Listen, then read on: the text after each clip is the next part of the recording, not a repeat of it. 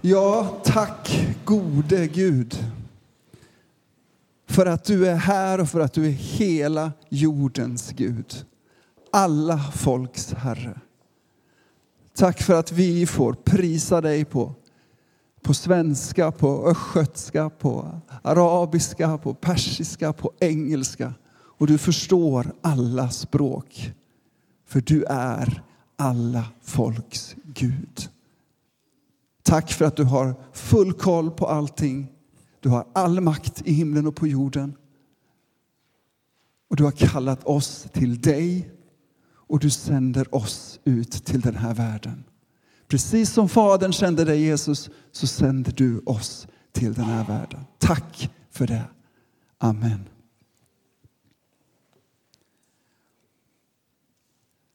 Oj, den där sången alltså. Fantastiskt. Jag eh, reste till Jordanien för ungefär en månad sedan.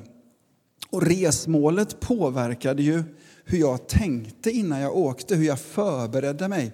Kanske framför allt i eh, hur jag packade, vad jag hade med mig. Jag visste att det skulle vara varmt i Amman, dit jag var på väg. Mycket, mycket varmare än här. Det var innan brittsommaren slog till i Sverige. Eh, det var 35 grader i Amman hade jag kollat upp. Och så då packade jag kläder för detta. Men vad svårt det var. För det var ju kallt här. Nej, tänkte jag, man kan inte ta med sig den här kortärmade skjortan, jag kommer frysa ihjäl. Det är nog bäst jag tar med en varm tröja också. Så det gjorde jag, men den blev ju liggandes liksom. Um, och samtidigt så var jag ju tvungen att klä mig och packa även för ditresan och hemresan. Jag kunde inte gärna ha shorts och linne på mig på tåget från Linköping till Arlanda. Det hade jag väl kunnat, men ja. Och så, det här sättet att tänka är ju självklart när man reser. Men det borde vara självklart för våra liv här och nu också. För det första så behöver vi ju veta vart vi är på väg och hur det kommer att vara där för att kunna förbereda oss och för att kunna ja, ta med oss rätt grejer. så att säga. Destinationen påverkar hur vi lever nu, hur vi förbereder oss och hur vi packar. Det är ju inte så att vi bara lever efter hur det kommer att bli en gång i, vid vårt resmål. Vi lever ju också här och nu och vi behöver klä oss för det. Men hur det blir där påverkar i allra högsta grad hur vi lever här och nu. Eller det borde göra det i alla fall. Den senaste predikoserien som har pågått under fyra söndagar på jorden som i himlen har handlat om precis detta. Hur lever vi här och nu på jorden samtidigt som vi har vårt hopp till att Guds rike ska en dag bli fullkomnat när Jesus kommer tillbaka? Jag hänger på den serien och vill betona en väldigt viktig aspekt av att låta livet här och nu formas av hur det blir sen, där och då.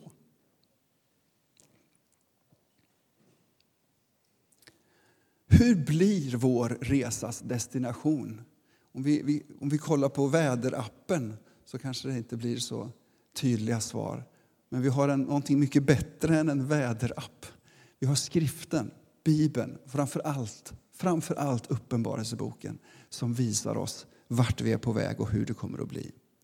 Jag ska läsa fyra verser från Uppenbarelsebokens 21 kapitel. Jag såg en ny himmel och en ny jord. Den första himlen och den första jorden var borta och havet fanns inte mer.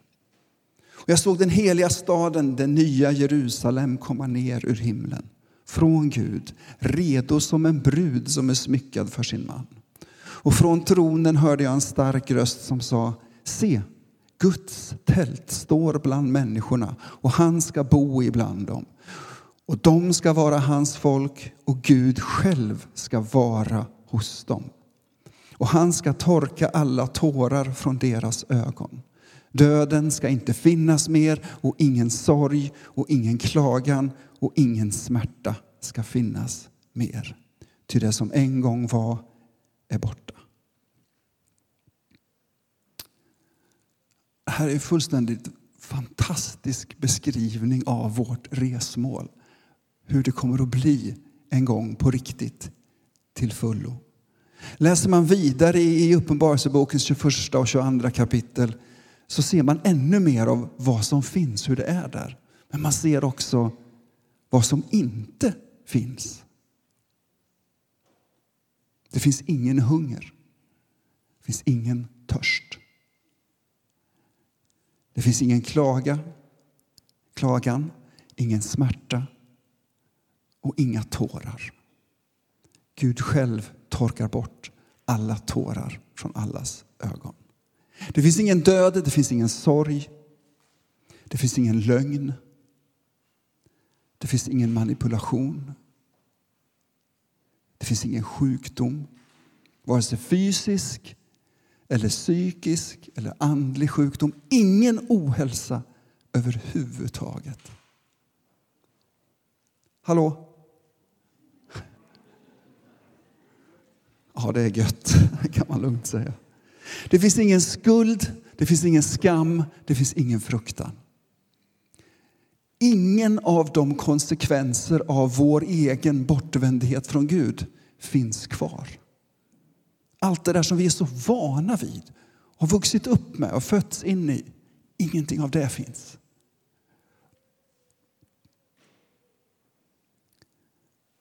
Men den aspekt av detta, av vår destination, som jag vill lyfta idag, det har att göra med någonting som definitivt finns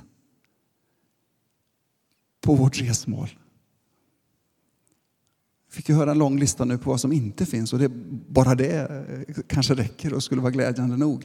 Men det som finns, definitivt, vi behöver inte spekulera om det, det är människor av alla länder, stammar, folk och språk. De finns där. I Uppenbarelsebokens sjunde kapitel, vers 9 och 10, så får Johannes blicka in i framtiden. Och det han såg är detta. En stor skara som ingen kunde räkna av alla folk och stammar och länder och språk. De stod inför tronen och lammet klädda i vita kläder med palmkvistar i sina händer och de ropade med hög röst. Frälsningen finns hos vår Gud som sitter på tronen och hos lammet. Det finns en massa förfärliga saker som inte finns i Guds rike, i himmelriket, i den nya skapelsen. Jag kan bara säga väldigt kort inom parentes att när vi ibland pratar om himlen så pratar vi om det som någonting man kommer till när man dör. Och det, det, finns ju någonting av det som, som är sant som finns beskrivet. Men det är något slags tillfälligt väntrum. Det, himmelriket handlar inte så mycket om att vi ska härifrån till, till någon annan plats. Utan mer om att himlen kommer till jorden. Guds rike fullkomnas till fullo här på jorden.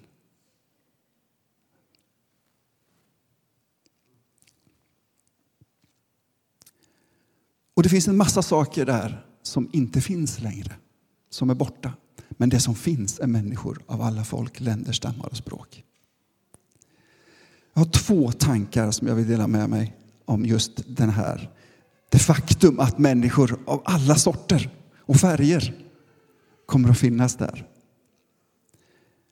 Eftersom alla sorters människor kommer att finnas där så är det lika bra att vi vänjer oss här. Och inte bara vänjer oss, utan att vi lär oss att älska människor av alla länder, former och färger, höll jag på att säga. Jag bara tänker på den här sången. Hur är det nu då? Jesus älskar alla gula och blå. Jag har inte vuxit upp i, i söndagsskolan, men den, den finns någonstans där i bakhuvudet. Ni vet vad jag menar.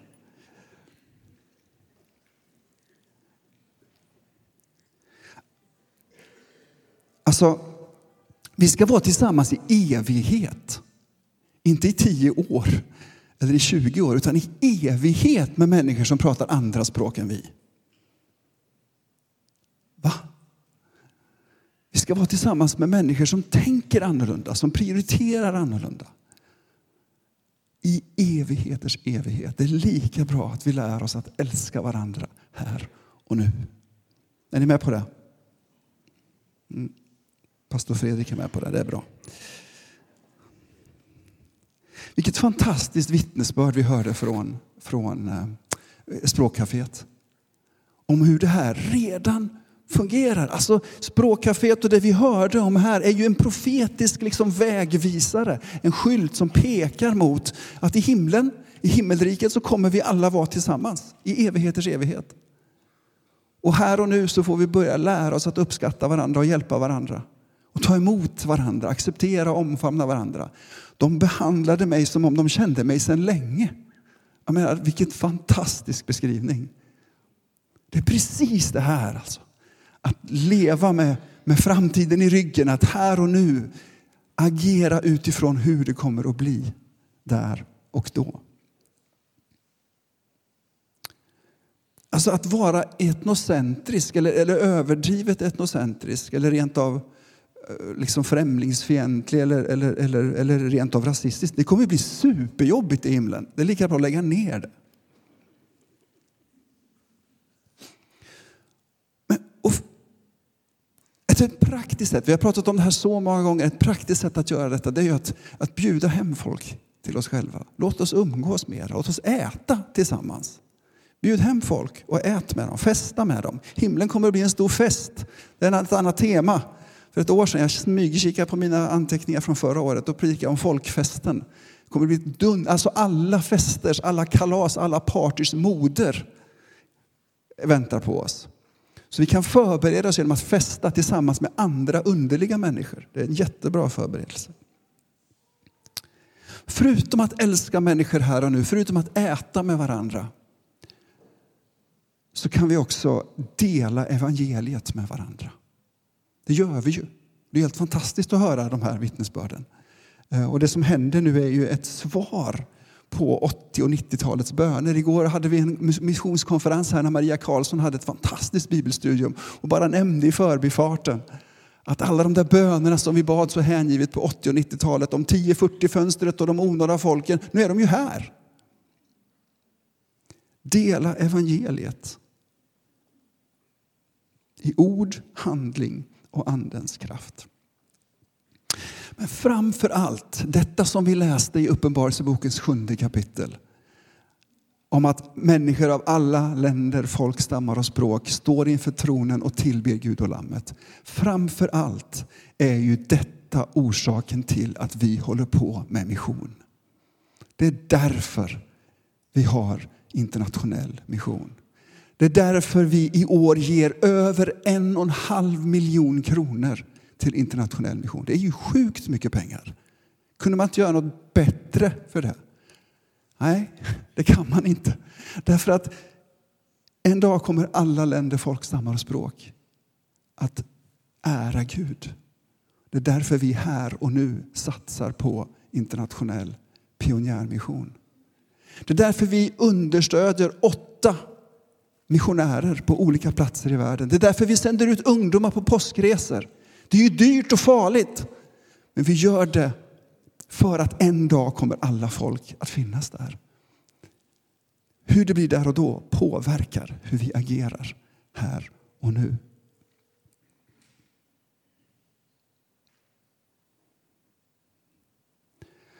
Om man bara tittar på hur, hur det står till med de etniska folkgrupperna, vad nu det är, i världen idag så finns det fortfarande 40 procent av dem som ännu inte har nåtts av evangelium på det sättet att de har hört evangeliet och tagit emot evangeliet. 40 procent av folken räknas som onådda idag. Det är mycket bättre än för 20 år sedan bara, men vi är ännu inte framme vid det vi har sett. Låt oss därför tillsammans satsa ännu mer på internationell mission. Vi håller ju på med det här för att en dag kommer det att bli så. Och det är kanske lite avpeppande att säga det, men det kommer faktiskt att bli så ändå, vare sig du och jag bidrar eller inte. Så det är inte det att det hänger på oss. kanske är dumt att säga, men har vi redan haft kollekten så. Men det är så, Gud kommer att se till att det här blir så ändå.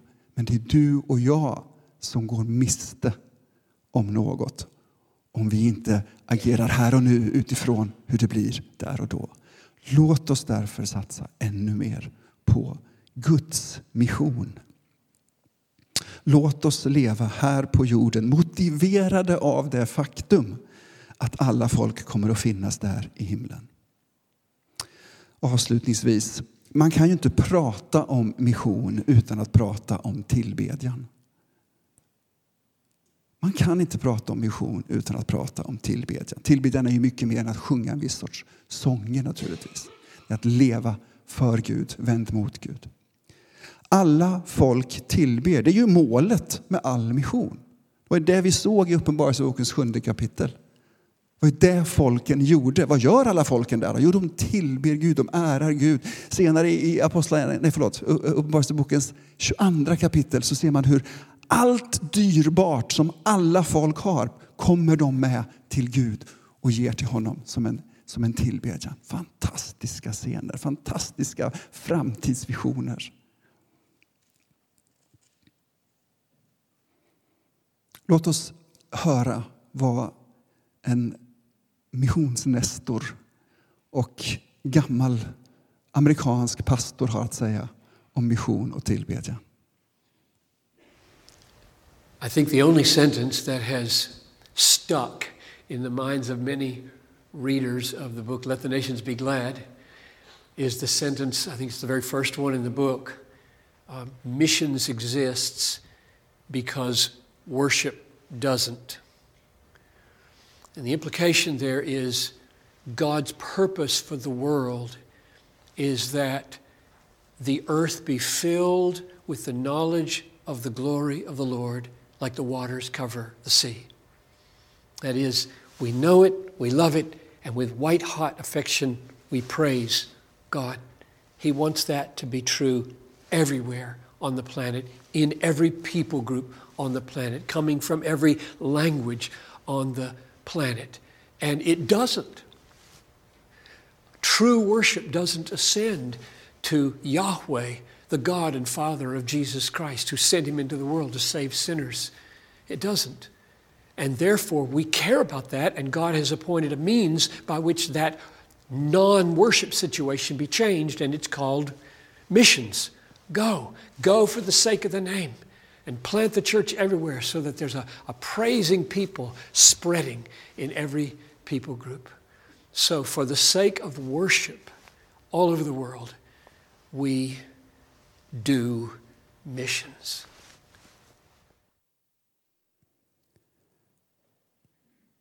Därför, älskade bröder och systrar, ska vi, ska vi redan här och nu tillbe Gud med allt vi är och allt vi har. Och därför ska vi göra allt för att alla folk överallt, alltid ska kunna tillbe Gud. När kören sjöng här tillsammans med språkcaféet på svenska och engelska och arabiska och om det var farsi eller där, jag vet inte. Så är det, det är inte bara lite kul, det är inte bara lite kuriost, vad fint. Nej, det är djupt profetiskt. Det är en enorm skylt som pekar mot vart vi är på väg. För där kommer vi att sjunga och tillbe på alla språk tillsammans med människor från alla folk. Låt oss be.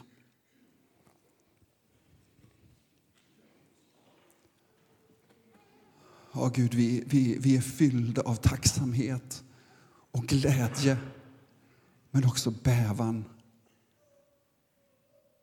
Därför att du är så stor och så mäktig. Och i din stora makt har du anförtrott åt oss att samarbeta med dig för att nå alla jordens folk. Tack för allt du gör och tack för allt du låter oss göra. Hjälp oss att i, i frid och avspändhet inför att det är du som äger missionen, hjälp oss att ändå lyssna in dig och, och vara i samklang med dig och utföra det som du vill att vi ska göra.